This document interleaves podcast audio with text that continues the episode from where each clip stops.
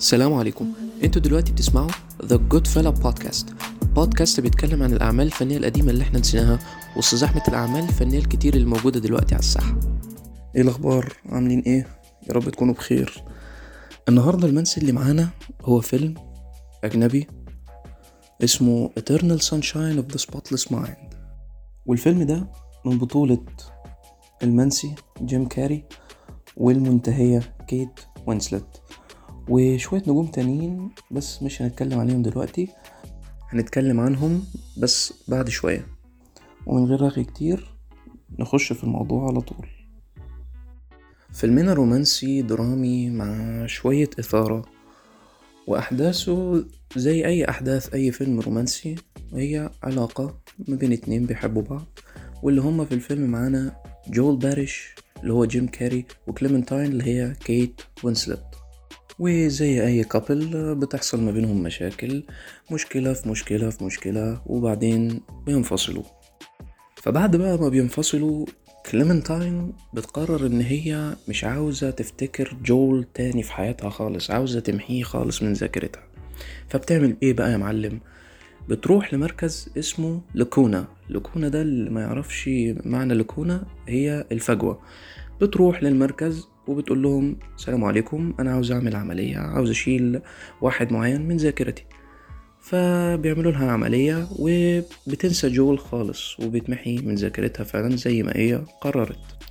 المشكلة بقى معانا إن جول بيكتشف إن كليمنتاين محته من ذاكرتها. فطبعا هو الباشا يعمل إيه؟ لا أنا هنتقم منها. هتنتقم منها إزاي يا عم؟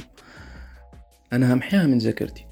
وفعلا بيعمل نفس الحوار وبيروح لنفس المركز وبيقول لهم أنا عاوز أشيل البني آدمة المعينة دي من ذاكرتي وبيعملوا له العملية. والفيلم أغلبه معانا بيدور جوه عقل جول اللي هو جيم كاري بطلنا وبنشوف معاه بقى كل حاجة المشاكل اللي كانت بتحصل بين الطرفين واللحظات الحلوة اللي كانت بتحصل ما بينهم وكل حاجة.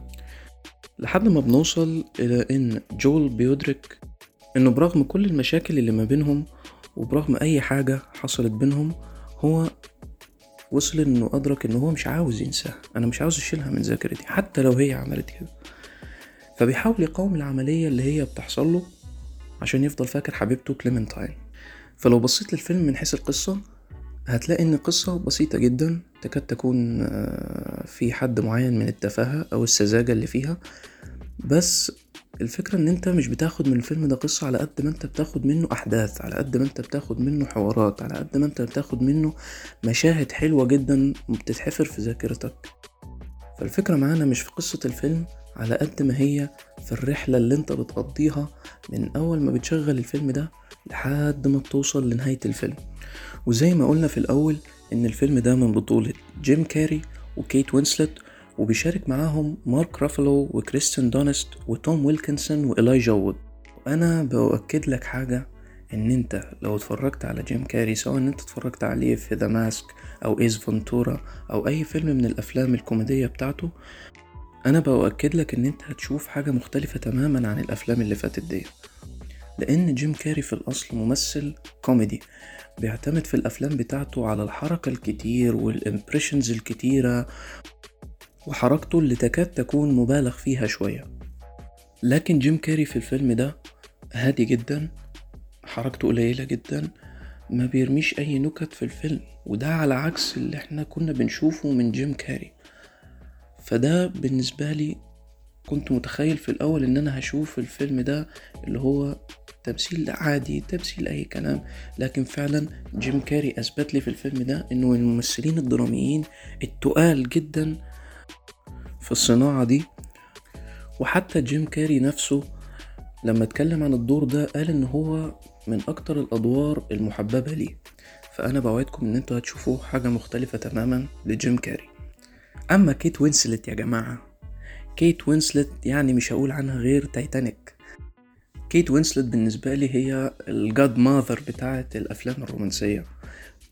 عملت تايتانيك وخدت عليه أوسكار والفيلم ده اترشحت فيه لجائزة أوسكار عن أفضل ممثلة. فأنا مش هقولك غير إن أنت هتحب كليمنتاين جدا. وأنا بحب كليمنتاين وبحب اسم كليمنتاين وبحب كيت وينسلت في دور كليمنتاين. ونيجي بقى لمارك رافالو وتوم ويلكنسون وكريستين دانست وإلايجا وود. أدائهم في الفيلم كان كويس. ما تقدرش تقول إن هو فوق الفظيع وما تقدرش تقول إن هو تحت السلم. لكن بغض النظر عن عن أداء الشخصيات دي الفيلم بيجبرك إن أنت تركز مع أبطالنا اللي هما جول وكليمنتاين. بيخليك عاوز تعرف إيه اللي حصل معاهم وإيه اللي بيحصل معاهم وإيه اللي هيحصل معاهم وهيبقى إيه نهاية الفيلم شكلها هيبقى عامل إزاي. لكن أداء الشخصيات اللي كانت مع اللي كانت معاهم في الفيلم أداء جيد جدا كويس بيخدم ال plot بشكل أو بآخر وما تقدرش تقول عنه إن أداء سيء. فأنا اللي أقدر أقوله لك إن أنت تستمتع بأداء الشخصيات دي وهتاخد تمثيل من كويس لرائع. وبس يا جماعة أنا عاوز أقول حاجة بس. إلايجا وود أنا مش أنا مش من الناس اللي بتحب إلايجا وود. أنا شفته في فيلم The Lord of the Rings فرودو كان فوق الفظيع. لكن شفته في فيلم ال Spy فيلم Spy Kids وشفته في الفيلم ده وحقيقي ما كنتش متقبله.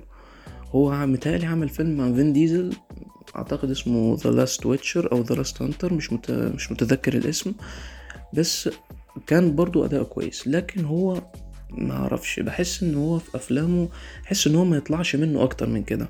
مش عارف ليه يعني. لكن نسيبنا من إلايجا وود ونسيبنا من الممثلين وندخل في ال cinematography ال cinematography يا جماعة اللي هي المشاهد التصويرية بتاعة الفيلم. المشاهد المشاهد اللي انت بتشوفها عامة يعني. والمشاهد اللي انت بتشوفها في الفيلم ده الفيلم طبعه كئيب وطبعه حزين. وأنا مش عاوز أحرق عليك بس أنت لما هتشغل الفيلم وهتشوف جيم كاري في أول مشهد في الفيلم هتحس فعلا إن جيم كاري مختلف جدا في الفيلم ده.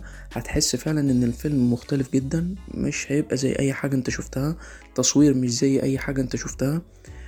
وفي نفس الوقت في بعض المشاهد في الفيلم تديك شوية إثارة شوية ممكن تحسسك إن أنت في فيلم رعب بطريقة أو بأخرى. أحب اقولك إن هي هتعجبك. طبيعة الفيلم والمشاهد اللي في الفيلم هتعجبك جدا. وفي النهاية حابب أقول لكم إن الفيلم ده أنتوا ممكن تكونوا بتفتكروا إن الفيلم ده قصته مش حلوة أحداثه مش متخيلين الأحداث هتبقى عاملة إزاي في الفيلم ده لكن أنا أقدر أقول لكم إن الفيلم ده هيعجبكم جدا. وبصراحة يعني خلينا نكون صراحة مع بعض شوية. أنت ضيعت وقتك في أفلام كتير زبالة وأفلام كتير مش حلوة وأفلام كتير يعني مش هنقول أسمائها. فروح يا عم واتفرج على الفيلم ده وإن شاء الله يعجبكم جدا. وبس كده ونشوفكم في الحلقة الجاية. سلام.